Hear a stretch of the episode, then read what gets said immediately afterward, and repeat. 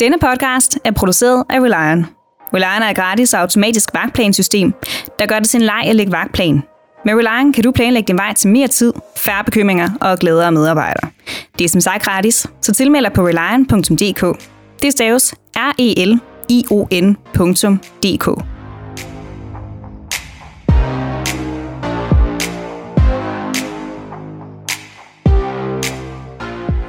Dagens gæst er meget opmærksom på sit netværk og tror på, at empati og tillid mellem mennesker er med til at bygge og styrke fundamentet i forretninger.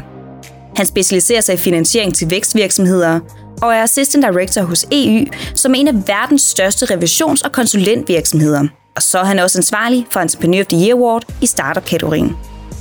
Vores gæst er vant til at tale med mange mennesker og sætter en stor ære i at være et godt menneske. Men hvordan er det lige, man efterlader det gode visitkort og bliver top of mind i sit netværk kan man komme langt i erhvervslivet med en paid forward attitude? Og hvordan hænger det lige sammen med strategi og vækst? Lyt med og få perspektiv, når jeg stiller spørgsmål til den prisvindende netværker. Hjertelig velkommen til vores gæst, Per Tønsberg Fransen.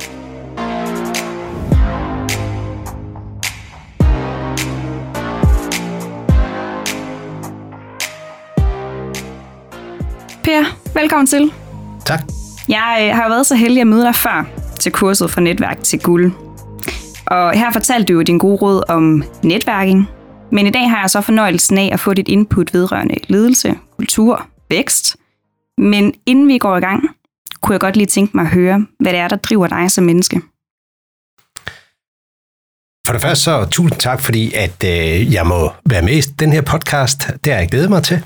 Og til dit spørgsmål, Julie, så det, der driver mig som menneske, det, øh, det tror jeg, det er meget det der med at, øh, at være på. Øh, jeg har været så privilegeret i løbet af hele min erhvervskarriere, at jeg kun har lavet noget, som jeg har synes har været spændende. Jeg har kun haft to arbejdsgiver som, eller to virksomheder som, som arbejdsgiver, nemlig i den finansielle sektor og senest de sidste 12 år i revisionsbranchen. Og det er sådan et, øh, for mig et, øh, et udtryk for, at jeg har lavet noget, der er super sjovt.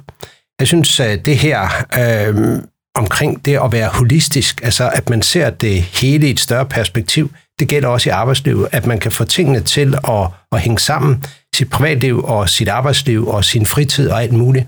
Og det har jeg opnået igennem, øh, igennem de to øh, ansættelsesforhold, som jeg har haft. Øh, det, der driver mig, det er også at øh, kan se andre mennesker lykkes. Øh, det kan både være kolleger, men det kan også være de virksomheder, som jeg hjælper. Øh, enten øh, de startup virksomheder, som jeg hjælper eller rådgiver, men også de modne virksomheder, som vi giver rådgivning til. Det, det driver mig. Øh, og så selvfølgelig også, at man selv har succes og får nogle, øh, nogle fede oplevelser og, ja, og nogle klap på skulderen. Øh, det bliver du jo også drevet af. Øh, så, så det tror jeg, det er det, der i, i, i hvert fald i mit arbejdsliv øh, rigtig driver mig. Det er mm. specielt det der med at se andre få succes. Det, det synes jeg er fedt. Det er godt at høre. Hvor øh, inden du var, inden du startede ved EU, der øh, var du jo også andet sted. Hvor var det lige, det var henne? Jeg har været i, øh, i Nordea, øh, Unibank, Andesbanken, øh, men samme øh, CVR-nummer i 29 år. Øh, og det, jeg troede egentlig, jeg skulle have været bankmand øh, hele livet, men øh, der var så en partner i et revisionsfirma, som syntes, at jeg skulle skifte til revisionsbranchen. Og, øh, og det valgte jeg så at gøre efter sådan lidt moden overvejelse, øh, fordi jeg var, jeg var bankmand helt ind i hjerte. Øh, men da jeg så fik øh, det her bud, øh, eller den her mulighed, så sagde jeg, det kunne være super spændende, fordi det, de havde gang i, synes jeg også var spændende. Og øh, jeg var sådan, da jeg forlod noget der, der var det sådan, i, jeg sagde op i rigtig god tid. Øh, tre måneder før jeg skulle starte i, øh, det hed KPMG dengang, øh, og nu hedder det så EU, øh, tre måneder før, fordi jeg skulle bare lige prøve det der revision af, øh, og så skulle jeg tilbage til pengeinstitutsektoren, så jeg skulle ikke smække med nogen døre. Men øh, nu har jeg været der i 12 år. Øh, jeg har stadigvæk nøglen til indgangsdøren ned til Nordea, men øh, jeg tror, jeg kan komme til at bruge den. og nu flytter de også snart. Okay, det er ikke så ofte, du lige bruger den. Nej. Nej, okay. Nå. Per, du er jo øh, du er egentlig forretningsudvikler hos EU. Ja. Og det er jo, som du siger, en af verdens største revisions- og konsulentvirksomheder. Og jeg er ret sikker på, at jeg ikke er den eneste, der er interesseret i at høre, hvordan din karriere startede. Fordi nu har vi hørt lidt om valget. Men hvordan var det egentlig lige helt præcis, det startede? Ja, det går jo, det går jo rigtig mange år tilbage. Det startede i Herfølge øh, på Sydsjælland, hvor jeg havde en ambition om, at jeg skulle være professionel fodboldspiller. Øh, og det, øh, det fortalte min far så, at jeg havde godt nok øh, jeg havde viljen, men jeg havde ikke evnerne til det. Så havde jeg nogle andre ting, som jeg også synes, der var, kunne være interessant at lave, blandt andet det at være kok. Øhm, og, så, øhm, og det prøvede jeg også af, men det kolliderede med det at spille fodbold. Og jeg gik, øh, jeg gik, øh, jeg plejer at sige, at jeg har en længerevarende folkeskoleuddannelse. Den var langt fra min lærer, den var langt fra mig. Det der med det bolige, det fangede aldrig rigtig mig. Øh, og heller ikke det år, jeg var på handskole i Køge, var noget, som gjorde, at jeg kunne gå den bolige vej. Så jeg valgte en dag, jeg gik over øh, Køge Torv og gå ind i en bank og spørge om ansættelse der. Øh, og efter en time, hvor jeg havde haft møde med direktøren, så fik jeg ansættelse som 17-årig i, øh, i Andesbanken. Og så havde jeg ellers sådan en meget forskellig karriere, hvor jeg prøver alle ting af, syv forskellige ting af i, øh, i pengeinstitutsektoren, øh, hvor der var øh, rådgiver, øh, der var ledelse, der var endnu mere ledelse, og endte så tilbage i, øh, i 2000 på, øh, på Clemens Torv, øh, hvor jeg blev rådgiver igen. Og det var der, jeg fandt ud af, og det er egentlig det, der var starten til alt det her, at jeg havde en god evne til at arbejde med social intelligens. Jeg var god til at skabe kontakt til andre mennesker, og den var igennem skabe forretninger. Og øh, en af dem, som jeg netværkede rigtig meget med, var en partner fra, øh, fra KPMG, som så i øh, sommeren 2008 øh, foreslog, at jeg skiftede til, øh, til KPMG, fordi de ville starte en afdeling op øh, hos dem, som arbejdede med virksomhedshandler. Og det var egentlig der, jeg kom ind i revisionsbranchen. Der har min rolle så ændret sig fra at være øh, meget fokuseret på de her transaktioner øh, og finansieringsopgaver til mere at være forretningsudvikler, hjælpe revisorerne med at skabe, skabe forretningen, øh, og hjælpe med at både intern og ekstern at være EU's øh, ansigt udadtil, se på de muligheder, der er derude, deltage i en masse netværksaktiviteter, for den vej igennem og få kontakt til, øh, til den næste opgave. Du har jo øh, du har en finger med i mange ting. Det har jeg. Øh, men man ser det jo ofte mange steder. Øh, jeg kan huske, at en af de ting, hvor jeg sådan tænkte, hov, ham der, ham, ham skal jeg lære at kende. Det er jo fordi, jeg personligt er meget interesseret i entreprenørskab. Og især altså startup-miljøet. Sådan, de er helt spæde, de der små frø, og se dem blive til noget. Og øh, da jeg så tænkte det her, det var faktisk fordi, at jeg fandt jo ud af, at du også er ansvarlig for øh, Entrepreneur of the Year Award i startup-kategorien. Det er rigtigt. Kunne du prøve at fortælle om, hvad din rolle så er der også? Ja, det vil jeg meget gerne.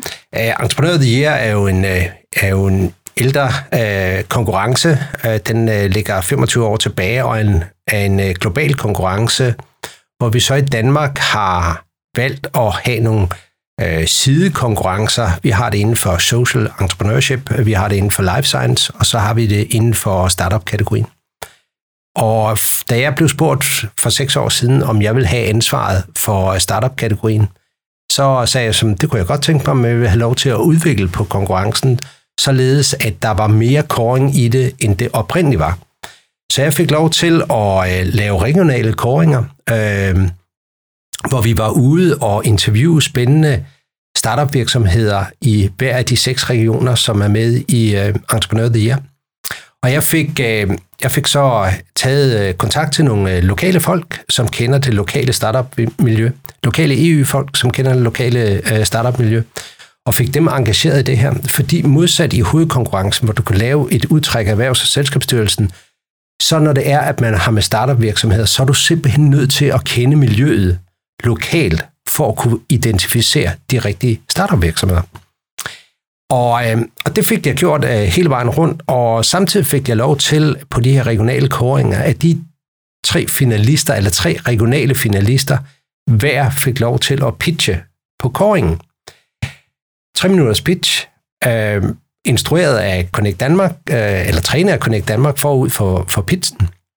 Og så var de på scenen der under kåringen, og publikum fik så mulighed for at stemme på deres favorit, og de blev så den regionale vinder i, øh, i startup-kategorien.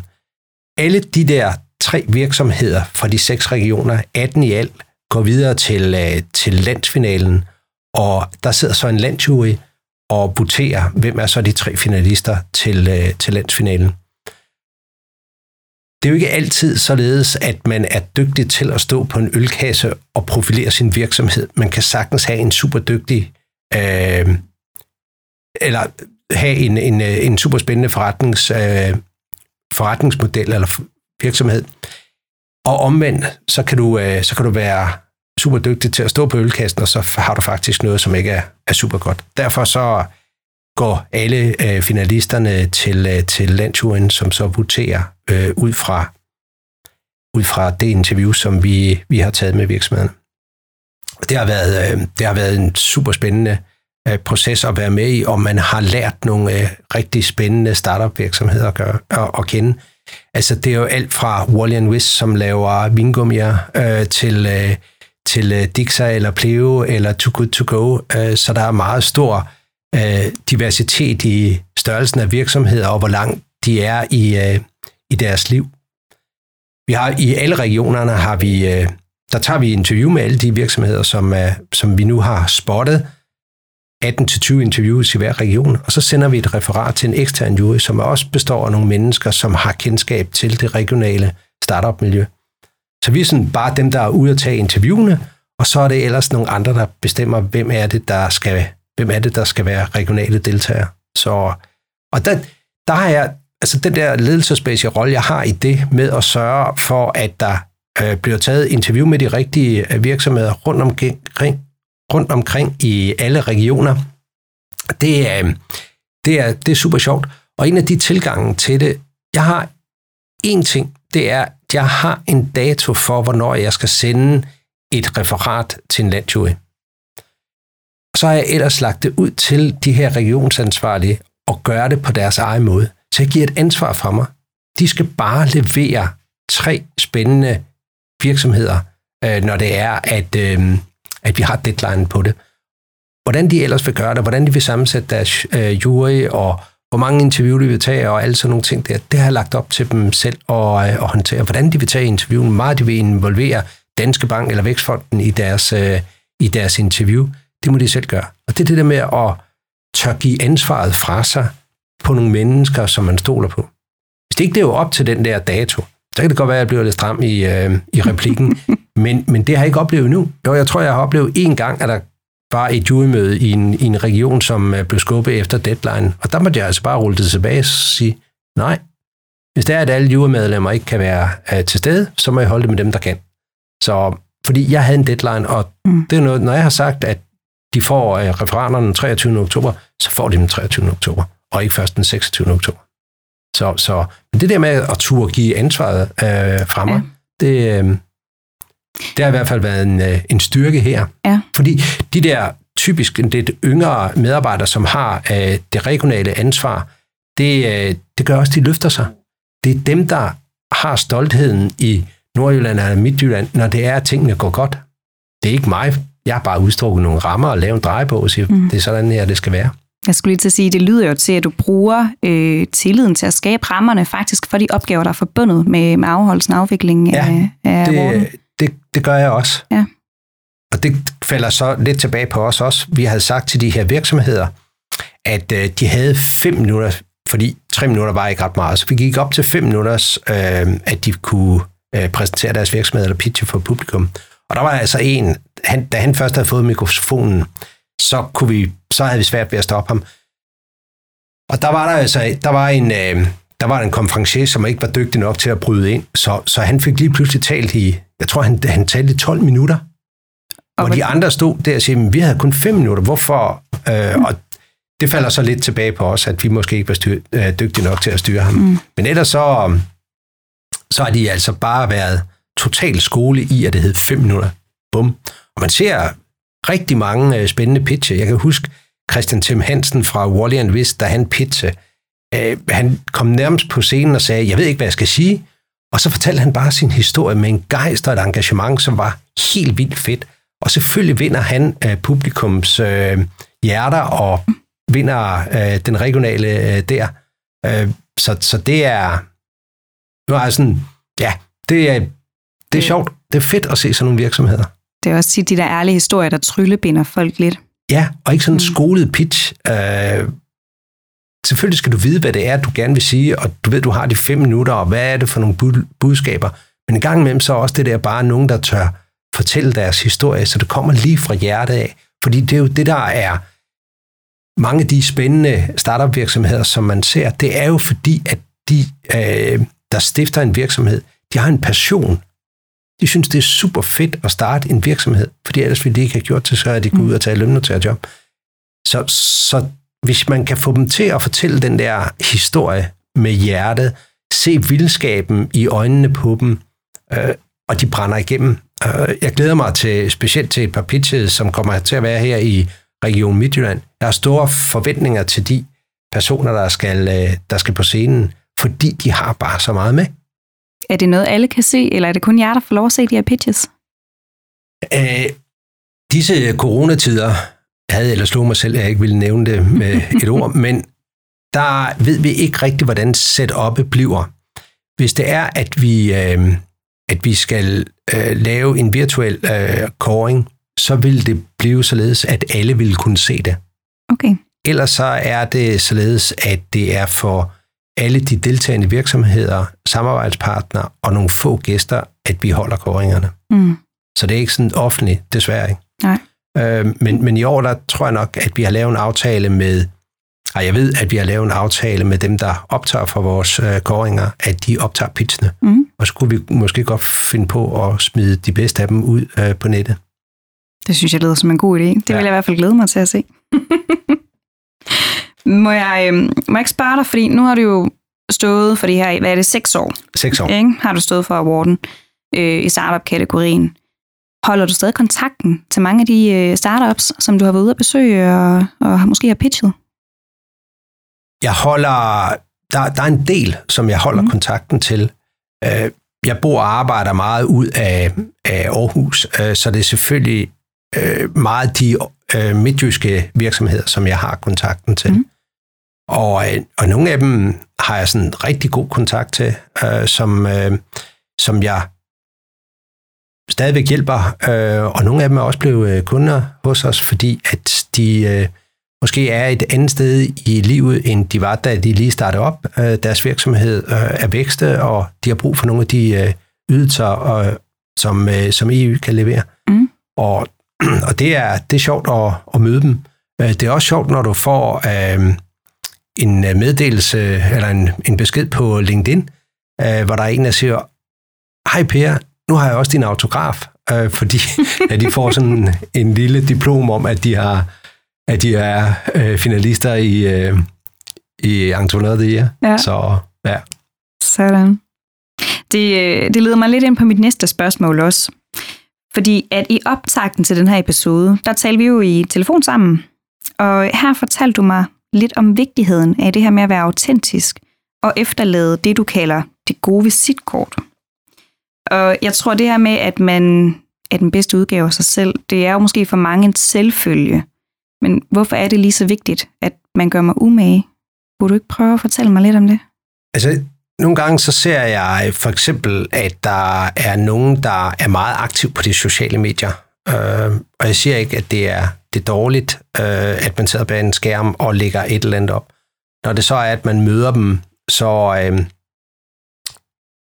så kan man ikke kende det menneske, som man egentlig har set øh, eller læst om, eller har været aktiv på de sociale medier, så kan man ikke, øh, så kan man ikke øh, kende dem, når man, man så møder dem i virkeligheden. Mm. Øh, det der med at være autentisk, det tror jeg også er super vigtigt. Det har det i hvert fald været for mig, fordi hvis du ikke har hjerte med, hvis du ikke er det, så på et eller andet tidspunkt, så falder du igennem. Og, og det er i hvert fald noget af det, som jeg har haft meget fokus på, det er ikke at falde igennem. Så derfor så, øh, så, så er jeg autentisk. Um, en af de ting, som sådan det her for nyligt, jeg blev, øh, det var, at jeg hilste på nogen, øh, og så, øh, så spurgte min kone, kender du, kender du ham? Ej, sagde jeg så. Jeg hilser bare på, på alle, fordi det, det er sådan, at jeg er.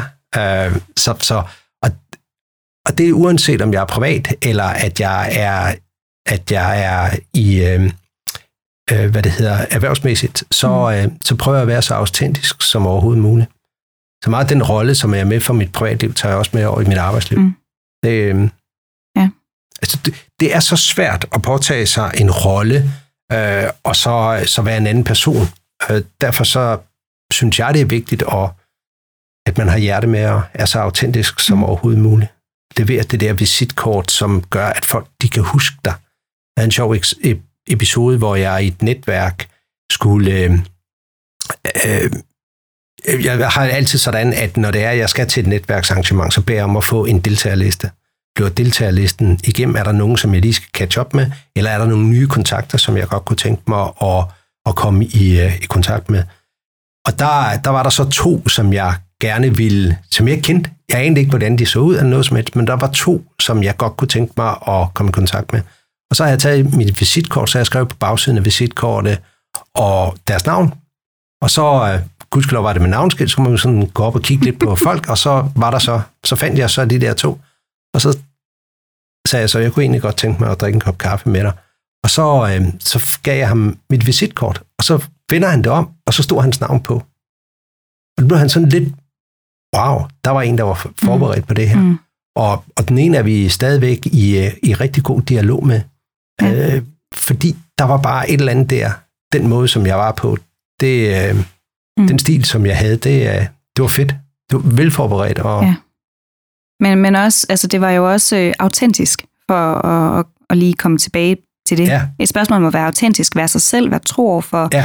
dine personlige værdier, den virksomhedsværdier, som du nu er i, men selvfølgelig også øh, være målrettet og være strategisk omkring, hvem er det lige, jeg skal snakke med, ja. og så være forberedt øh, det, til det. Altså det hele taget det der, når man skal til et eller andet, så skal, må man godt være strategisk. Ja. Man må godt være velforberedt, når man går til et netværksarrangement. Mm.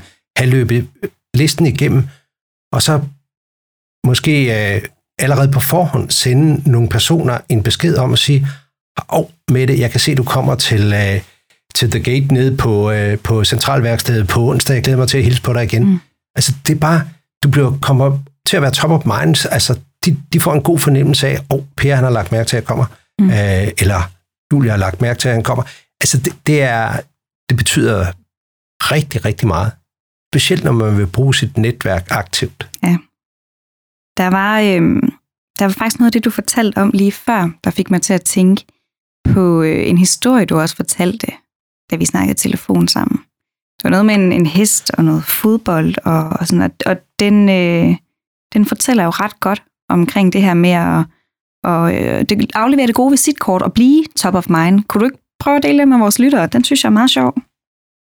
Det vil jeg meget gerne. Det var for for en del år siden, da jeg øh, endte tilbage på Clemenstorv som, øh, som øh, rådgiver i erhvervsafdelingen, så skulle jeg over til en kundeportefølje, og i den kundeportefølje, der var der en virksomhed, som var en trykkerivirksomhed, som lå nede i Banegårdsgade. Og øh, jeg ringede til ham og sagde, hej, jeg hedder Per, jeg er din nye øh, rådgiver. Ny rådgiver? Han blev skidesur. Nu er jeg nummer XX rådgiver. Nu gad han simpelthen ikke mere. Jamen, giv mig nu en chance, du kender mig ikke. Og jeg fik overtalt ham til en kop kaffe og vise virksomheden, og så kom jeg ned, og så stod der sådan en stor trykker foran mig, og jeg fik den der slatne hånd øh, som velkomst, og, og jeg spurgte så, må jeg se, hvad det er, du går og laver? Og vi gik rundt i virksomheden, og han, øh, han jeg kunne godt se på ham, at øh, han havde kun én ting i hovedet, det var, at jeg skulle hurtigt ud igen og så skulle han videre med at finde nyt pengestund. Og så gik vi ned i, igennem, og jeg spurgte jo interesseret til de her forskellige maskiner, og han fortalte modvilje om, hvad de kunne. Øh, og så kommer vi ud i, i frokoststuen, og der havde han så øh, lavet kaffe, og jeg skulle lave en feberredning. Og så ned for enden, det her var i 2000, ned for enden, der sad der en opslagstavle, og på den opslagstavle sad der et billede af en hest. Og så sagde jeg så til ham, jeg kan se, at du har et billede siden af Tarok. Tarok, sagde han så. Kan du se det, Tarok? Tarok døde i 1977 eller 78.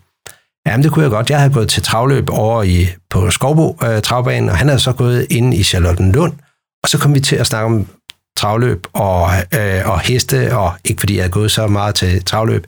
øh, og så kom vi til øh, at snakke fodbold. Han havde spillet fodbold fra Marmar, og jeg havde spillet fodbold i, øh, i Herfølge, og selvom vi ikke var aldersmæssigt, øh, eller på samme alder, så, så var der stadigvæk nogle folk, som vi kendte. Øh, og så, så vi kom også til at snakke masser af fodbold. Så 90 procent af det møde kom til at handle om travløb og omkring fodbold. Så da jeg gik derfra, så fik jeg det faste håndtryk, at han sagde, jeg tror, vi får et rigtig godt samarbejde. Fordi der havde jeg skabt den der tillid, den der empati mm. hos ham, med baggrund i nogle andre ting, end det, jeg gerne ville sælge ham kaskredit eller et anlægslån, men, men, øh, men nogle helt andre ting. Så det var, det var super fedt. Så, og jeg havde ham øh, som kunde indtil jeg, jeg så efter otte år så forlod øh, Nordea. Det er også, jeg synes, det er en god historie, at den understreger igen, hvor vigtigt det er, at man, man kommer hinanden ved som, som mennesker. Øhm, fordi der er jo noget med det der med, at man ikke bare tænker, når man sidder i toget, Nå ja, det var bare ham der, der sad ved siden af mig. Men man faktisk måske undrer sig lidt over, hvem, hvem er det lige, man, man sidder ved siden af? Hvem men, er det lige, de er? Men Julie, der kommer du ind på noget det der med netop, at når du sætter dig ind i toget, og hvis det er, at du sidder sammen med, med tre andre omkring et bord, medmindre der er nogen, du kender på forhånd, mm. så er der alt for ofte, at vi bare slår vores laptop op, og så sidder man der bag ved skærmen og arbejder, eller læser mails, eller hvad man, hvad man gør, og man tager måske nogle store hørebøffer på, og så man ikke kan høre, hvad der sker omkring sig.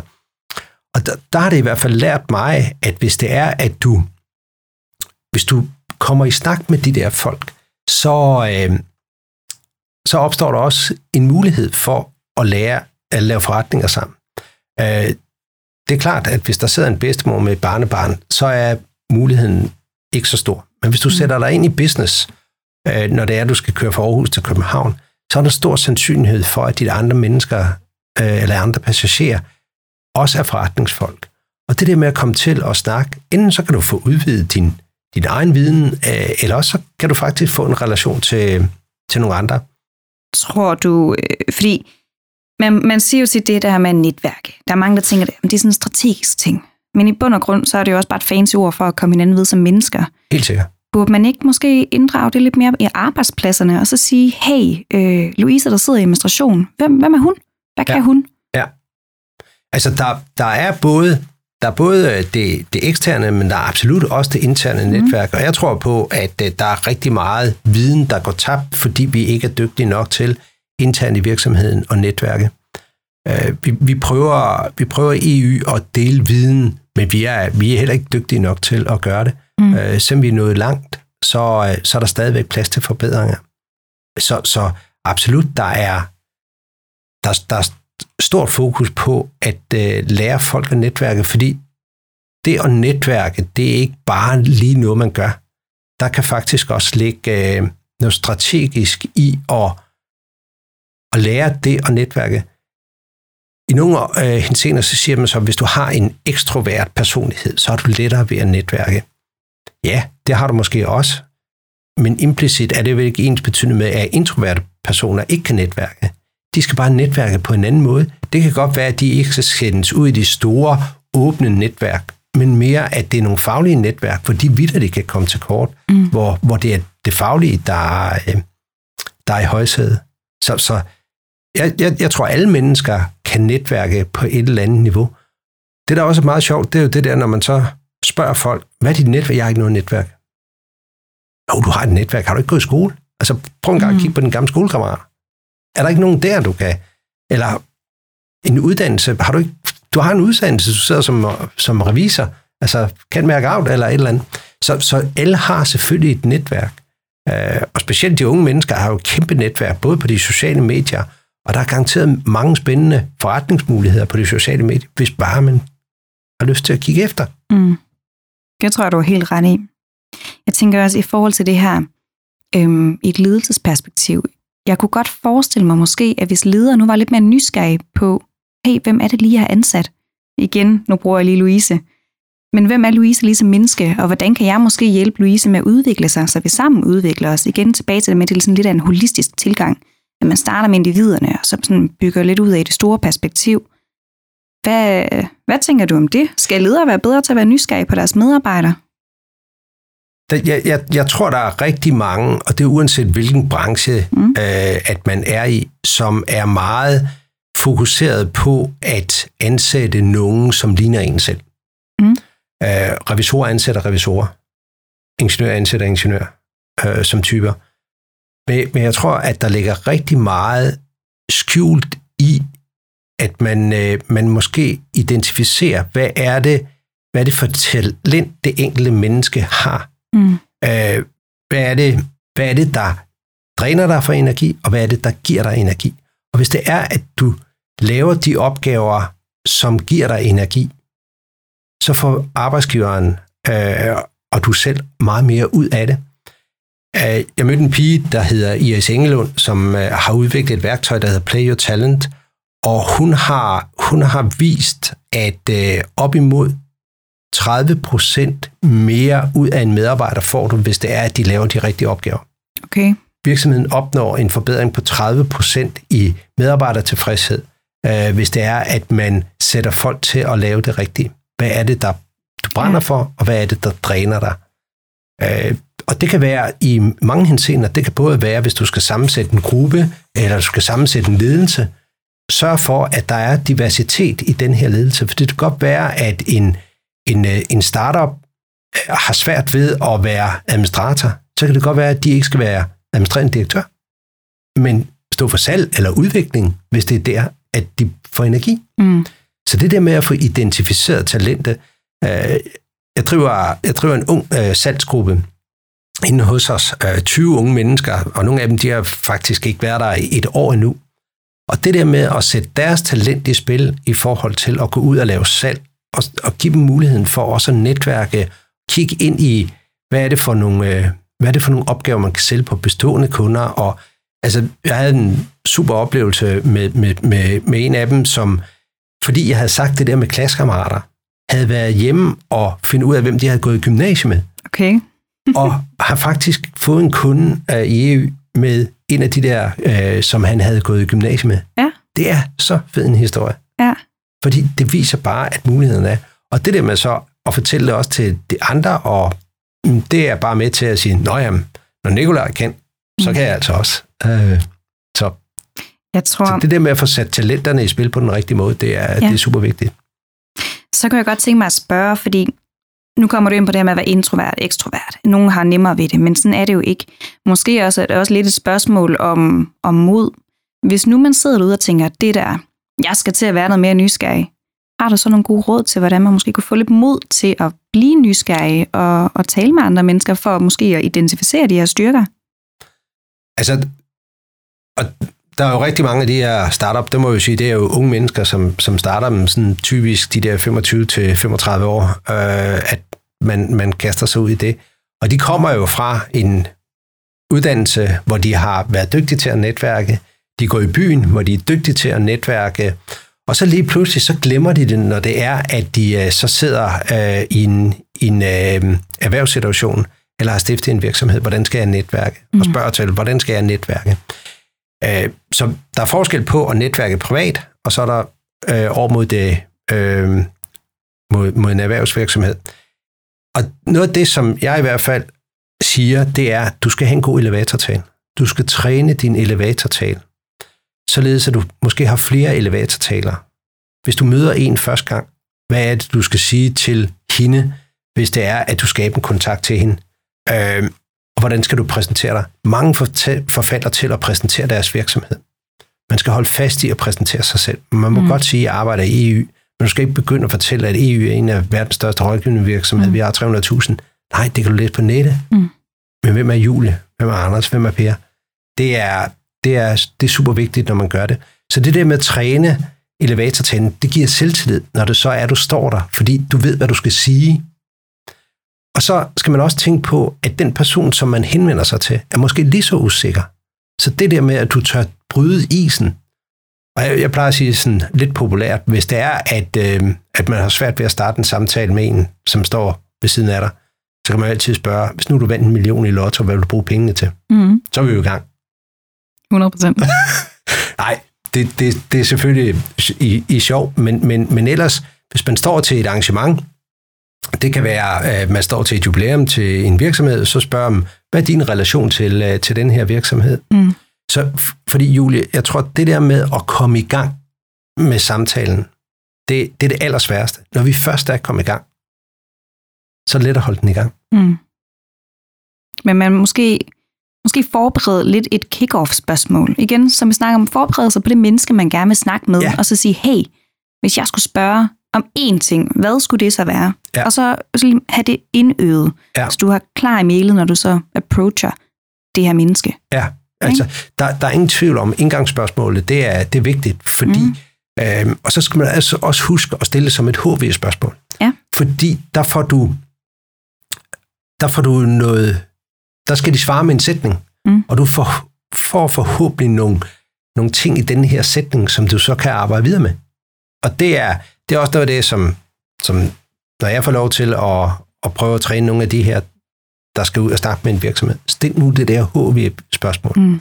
Fordi I får så meget viden, hør efter, og så bygge videre på den viden, således at I forstyrrer samtalen. I har ikke noget at sige ret meget.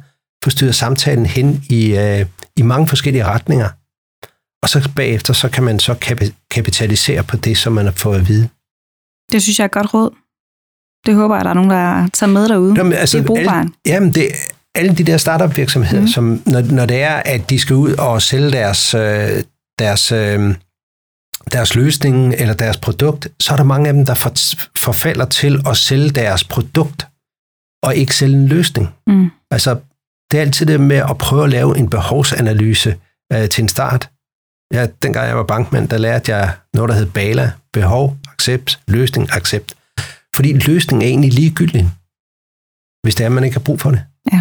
Så du skal først have afdækket behovet, og så er løsningen faktisk ligegyldig. 100%. Det er godt, det er godt sagt. Altså, det sætter tingene lidt i perspektiv, ikke? Altså, hvor er det, man, man skal starte henne? For, ja, nu kunne det være lukket selv, men det kunne være så mange andre ting. Jeg, øhm, jeg har noget andet, jeg har været lidt nysgerrig på. Noget, jeg ikke rigtig gerne vil spørge dig om. Fordi, Per, det virker jo til, at din, øh, din personlige ledelse, den er meget præget af den her holistiske tilgang. Du ser tit tingene i et, øh, et stort perspektiv. Øh, og man kan sige, det er jo både verden, men også mennesket sådan, i det store billede. Hvordan kommer det til syne i dit arbejde i EU, og måske lidt mere specifikt i din rolle i Entrepreneur of the Year Award? Jeg læste for nogle år siden, der læste jeg en bog, der hed The Go-Giver, omkring det der med at pay it forward. Mm. Der var nogle ting der i, som, øh, som ramte mig rigtig meget, nemlig det der med at ikke altid skal være så fokuseret på, at jeg skal have en forretning ud af det.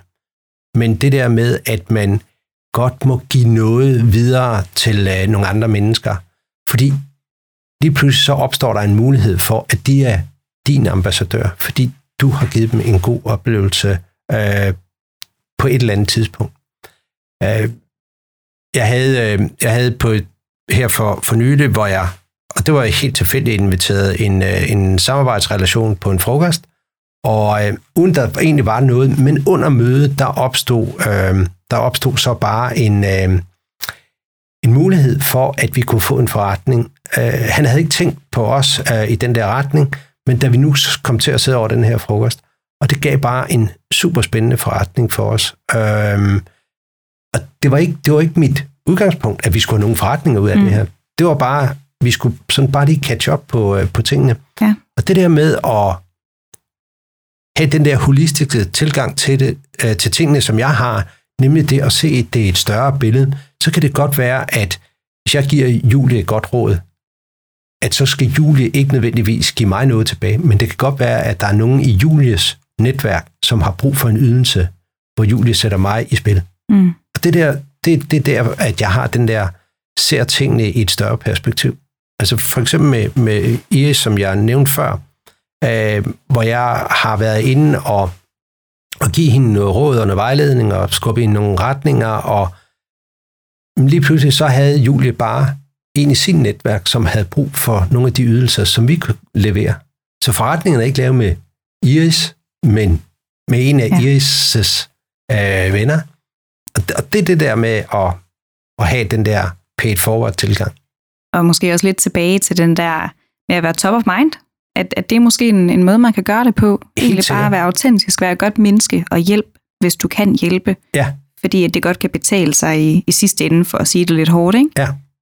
Det, øhm, Men, men der, der må jeg så også sige, det er ikke altid, at jeg har, øh, jeg er så strategisk, at jeg tænker øh, på, at det skal kunne give en forretning på et andet mm. tidspunkt. Der er også rigtig ofte, at jeg tænker, der har jeg bare lyst til at hjælpe.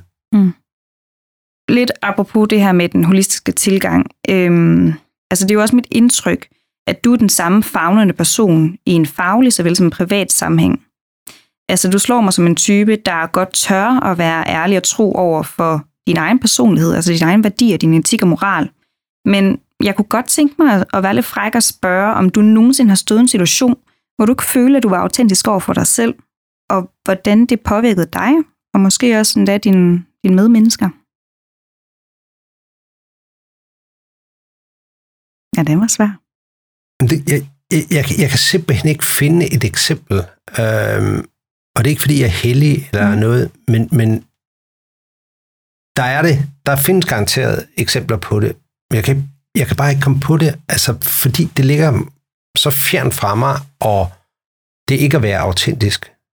Øhm, og, ja. og sådan har det været jamen, altid. Altså, jeg, jeg, jeg kan simpelthen ikke komme på, øh, på et eksempel, hvor, hvor jeg ikke har været autentisk. Mm. Altså, nej. Nej. Lidt på, på samme note, så kunne jeg nemlig også godt tænke mig at spørge dig, om, om du nogensinde har fravalgt en relation, fordi at du måske mente, det ville skabe konflikt med dine værdier og den her autenticitet? Det kan jeg så godt svare på. Ja, ja det har jeg. Øhm, jeg havde øh, kort tid efter, jeg var startet i, øh, i øh, KPMG-EU, der havde jeg et, øh, et møde med en øh, potentiel kunde, som, øh, som var flyttet hjem fra England. Og så, øh, og det var, det var super fint. Og så, øh, så spurgte jeg ham så, hvad var, hvad er årsagen til, at du har boet i England? Jamen, det var fordi, at øh, skattetrykket i England var mindre end i Danmark, og han synes simpelthen, at den arbejdsindsats, som han lagde, der ville han ikke betale så meget skat, så derfor så, øh, så var han flyttet til England. Det var fint nok. Det var der mange. Mm. Hvorfor har du så vendt tilbage til Danmark? Jamen, det var så, fordi han havde fået kræft, og han ville meget gerne øh, behandles på det danske hospitalsvæsen. Ja. Den værdi kunne jeg ikke håndtere. Så jeg sagde, jeg har ikke lyst til at lave forretninger med dig. Okay. Det var det, der gjorde øh, udfaldet. Det der med ja. at udnytte et, øh, øh, eller ikke vil betale den danske skat, og når man så opnår, at der opstår et eller andet, så vil man godt bruge det danske system, mm. som man ikke har været med til at finansiere. Mm. Den kunne jeg ikke. Nej. Man kan sige, det giver jo også god mening, at det, at det der, du, øh, hvad kan man sige, sætter stregen, fordi det hænger jo heller ikke sammen med den her paid forward attitude. Overhovedet Det er jo fuldstændig stik modsat, hvis ja. man kan sige det på den der måde. Det er, det er rigtigt. Så måske er det faktisk øh, det, du søger, hvis man kan sige det på den måde. Altså det er dem, du connecter med. Dem, der har øh, samme mentalitet eller samme ønske om at, at kunne hjælpe og ja. bidrage, om ja. ikke andet. Altså, lidt tilbage til mit forrige spørgsmål, men jeg kunne lige så godt være ærlig at sige, at Per, jeg har også altid kun hørt gode ting om dig. Øh, jeg har aldrig nogensinde hørt noget dårligt om dig, og det har jeg gået og undret mig over. Fordi at det, det må der jo være en grund til. Og der tænker jeg sådan lidt tilbage, nu fortæller du lidt om, at jo, du skal være tro over for dig selv, og du skal være autentisk, du skal være Per i alle sammenhænge, men du er jo også strategisk. Øh, tror du, at dine strategiske overvejelser i forhold til din fremtiden påvirker folks lyst til at være din ambassadør? Det tror jeg faktisk ikke. Mm. Øhm, jeg, jeg tror, det der med, at de er min ambassadør, øhm, eller jeg er deres ambassadør, ja. det er bare noget, der opstår, fordi man har lyst til at være det. Ja. Altså også fordi, at man måske øh, har de værdier, som man har, at folk de, øh, at folk de så godt vil henvise noget, øh, fordi de selv har fået hjælp, øh, og på den måde øh, bliver ens ambassadør. Øh, jeg havde et godt eksempel på øh, faktisk fra i går, øh, hvor jeg for en anden netværksrelation øh, fik øh, et, øh, et hint om, at der var en pige, som øh, stod og skulle øh, finde et nyt job, og så spørger hun, øh, Sofie, hun spørger mig så, øh, om jeg har lyst til at drikke en kop kaffe med hende, øh, for at lige øh, guide hende, hvad retning hun skulle. Mm. Og det ville jeg godt, og vi havde en kop kaffe øh, her i sommer, og vi snakkede nogle forskellige ting øh, sammen. Og så, øh, så fik jeg en meddelelse på LinkedIn i går, hvor hun så skrev, at øh, Hurra, Per, jeg har fået øh, nyt job, og jeg glæder mig super spændende, og tusind tak, fordi øh, du var med til at skubbe mig i den rigtige retning.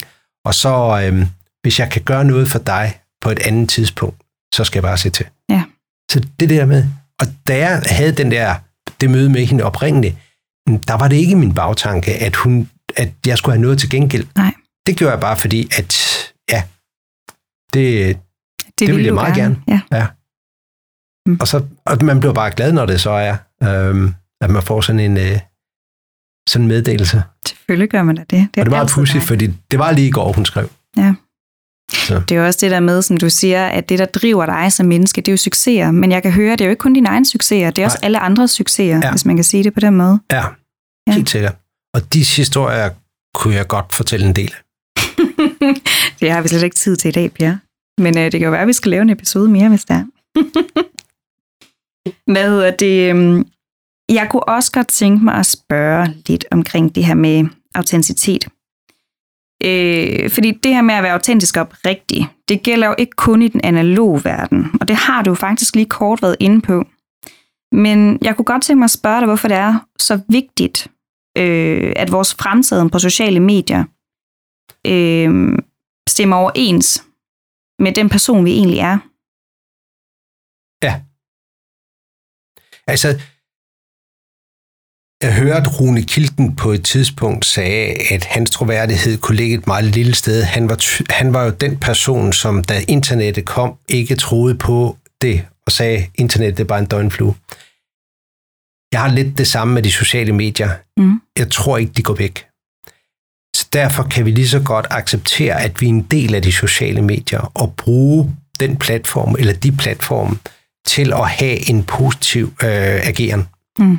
Uh, uanset om det er på Instagram, eller det er på LinkedIn, eller det er på, uh, på Facebook. Og så kan du høre, at det er de tre platforme, som jeg kender, Yes. og der er masser af andre. uh, men at man har en, en, uh, en god og en, uh, og en positiv uh, tilgang til det. Som jeg sagde indledningsvis, så det der med at være autentisk, hvis det er, at man ser en eller anden uh, profil på, uh, på LinkedIn, uh, så skal den gerne stemme overens med den person, som man så møder. For mit vedkommende, der jeg er aktiv på de forskellige øh, medier, øh, og, og specielt på LinkedIn, der er jeg meget fokuseret på at dele og like, men jeg har altid forholdt mig til, hvad det er, jeg deler og liker. Fordi det skal ikke være sådan, at jeg bliver mødt med en eller anden, der så kommenterer, jeg kan se, at du har delt det der, hvad baggrunden for det, jamen jeg har ikke engang læst det. Altså det der med at være autentisk, når det er, at man gør et eller andet. Øh, ellers må man bare lade det gå forbi, hvis man ikke har tiden til at, at læse det. Ja. det. Det er i hvert fald en af de måder, som, som jeg agerer på. Øh, over på, på Facebook, der har jeg det også, jeg har ikke lyst til at være en del af et hylekor. Hvis der er nogen, der er utilfreds med, hvordan at Mette Frederiksen hun gør det, eller Jakob Bundsgaard gør det, eller sådan noget, så, øh, så lad dem være det. Jeg vil ikke være en tur gammel mand på de sociale medier, fordi mm. det kan falde tilbage på dig. Hvis det er, at du generer nogen, så, øh, så kommer du til at træde nogle års tæerne. Altså hvis du har en politisk holdning, så er det, det er fint nok, du har den politiske holdning. Du kan godt, du kan godt kommentere på en enkelte øh, omkring håndteringen. Altså Mette Frederiksen fik stor res, øh, respekt for den måde, som hun øh, håndterede øh, corona til en start. Øh, og det kan man godt sige, det var flot eller et eller andet. Men jeg kommer aldrig til at nedgøre nogle ting der, fordi man kan komme til at træde nogle folk over tæerne. Man må godt have en sund, kritisk tilgang til det. Omkring Facebook, som måske er lidt mere privat, der har jeg, der har jeg også sådan, hvis folk gerne vil ind på min Facebook, så må de også meget gerne komme det. Fordi jeg har ikke noget at skjule derinde. Jeg, jeg, jeg synes, det er en, et, en del af det at vise det hele menneske. Folk må godt mm. vide, at jeg er, godt kan lide at stå på ski, eller jeg godt lide at gå til fodbold. Øh, jeg kan, at jeg kommer meget på Aalborg Stadion og ser OB. Øh, jeg kan godt lide at bage, eller sådan noget godt. Men jeg kommer ikke til at lægge strikopskrifter, madopskrifter, eller fuldemandsbilleder op på, øh, på Facebook, fordi at det også har en professionel tilgang øh, til det. Så der er det igen et spørgsmål om at være strategisk. men folk må godt komme tæt på mig og se, hvordan jeg er som person. Mm. Ja. Jeg vil meget gerne være personlig, men jeg vil ikke være privat. Øh, Nej. Så, så det, det, det er sådan den der skilning.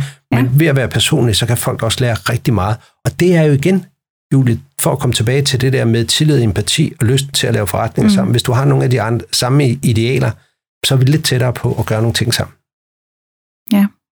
Det giver jo rigtig god mening, når du siger det på den der måde. Ja. Men øhm, jeg tror personligt har jeg aldrig tænkt det sådan.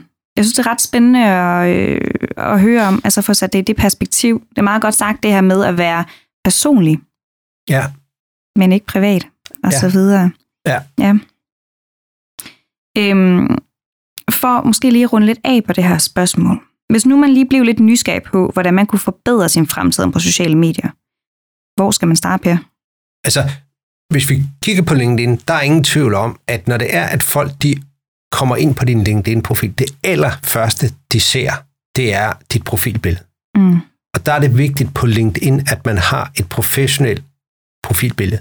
Men det gør heller ikke noget, at man har et billede, som lidt identi- øh, ja, identificerer, hvad det er for en virksomhed, som du øh, driver, eller indikerer, hvilken virksomhed det er, du driver. Øh, godt eksempel, det er, det er hvad det hedder, øh, Trine for Party in a Box. Ja. Altså, hun står med på sit profilbillede med ballonger og alt sådan noget der, og, og høj hat og sådan noget, ikke også? Men det er jo bare fordi, det er hendes virksomhed. Ja. Det ville ikke tage sig så godt ud, hvis jeg gjorde det, men det job, som jeg har.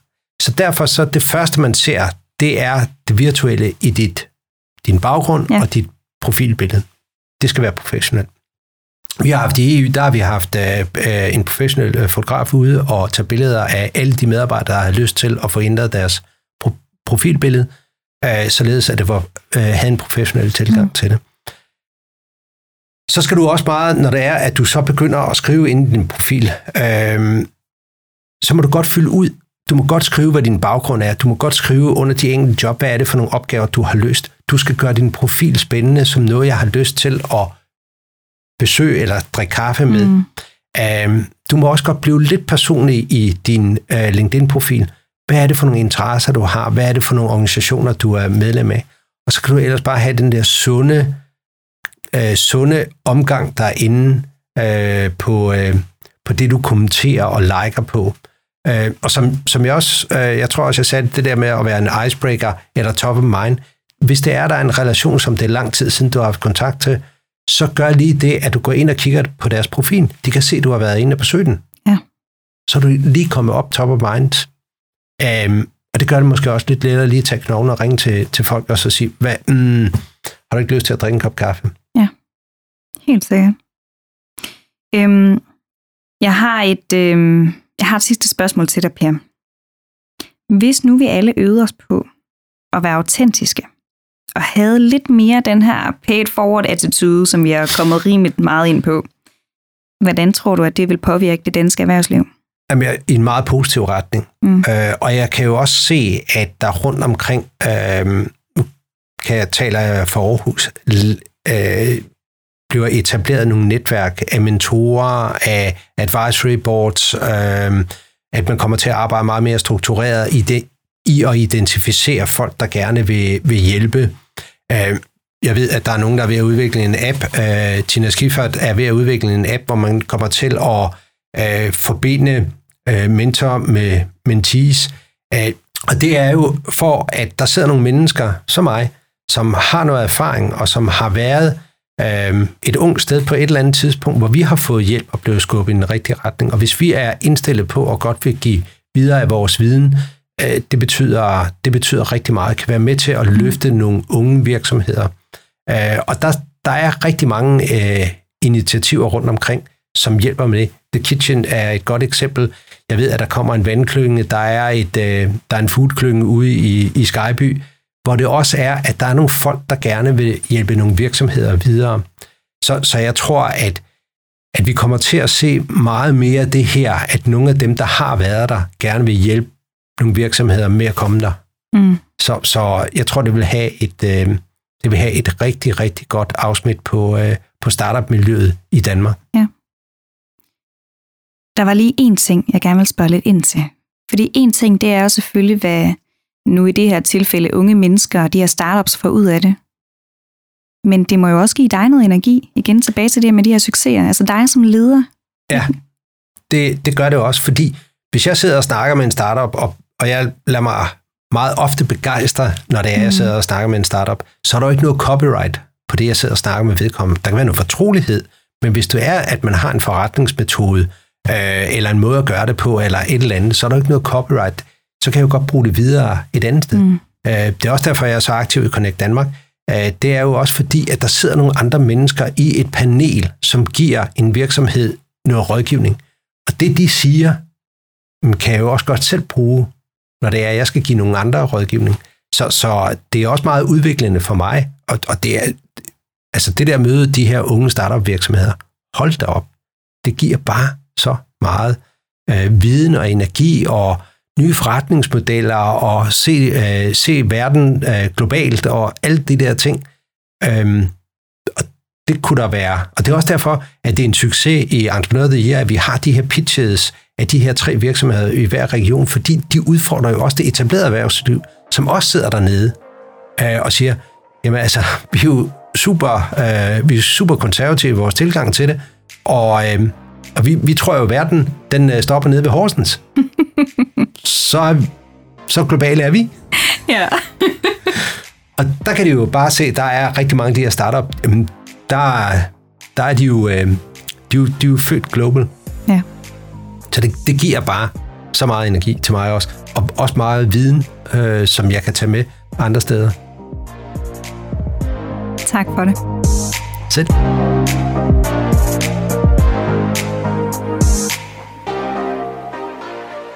Per, det var dejligt, at du ville være med Anders og mig i studiet i dag. Jeg kan mærke dit perspektiv på ledelse, mennesker og ikke mindst din paid forward attitude sat mange tanker i gang hos mig, og forhåbentlig også ved vores lyttere. Og til alle jer, der lytter med, mm, så vil jeg opfordre jer til at være nysgerrig.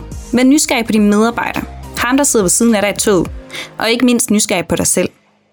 Og derudover så vil jeg selvfølgelig opfordre dig til at tage handling, hvis du i dag hørte noget, som inspirerede dig. Og ikke mindst, tak fordi du lyttede til Hardcore Ledelse.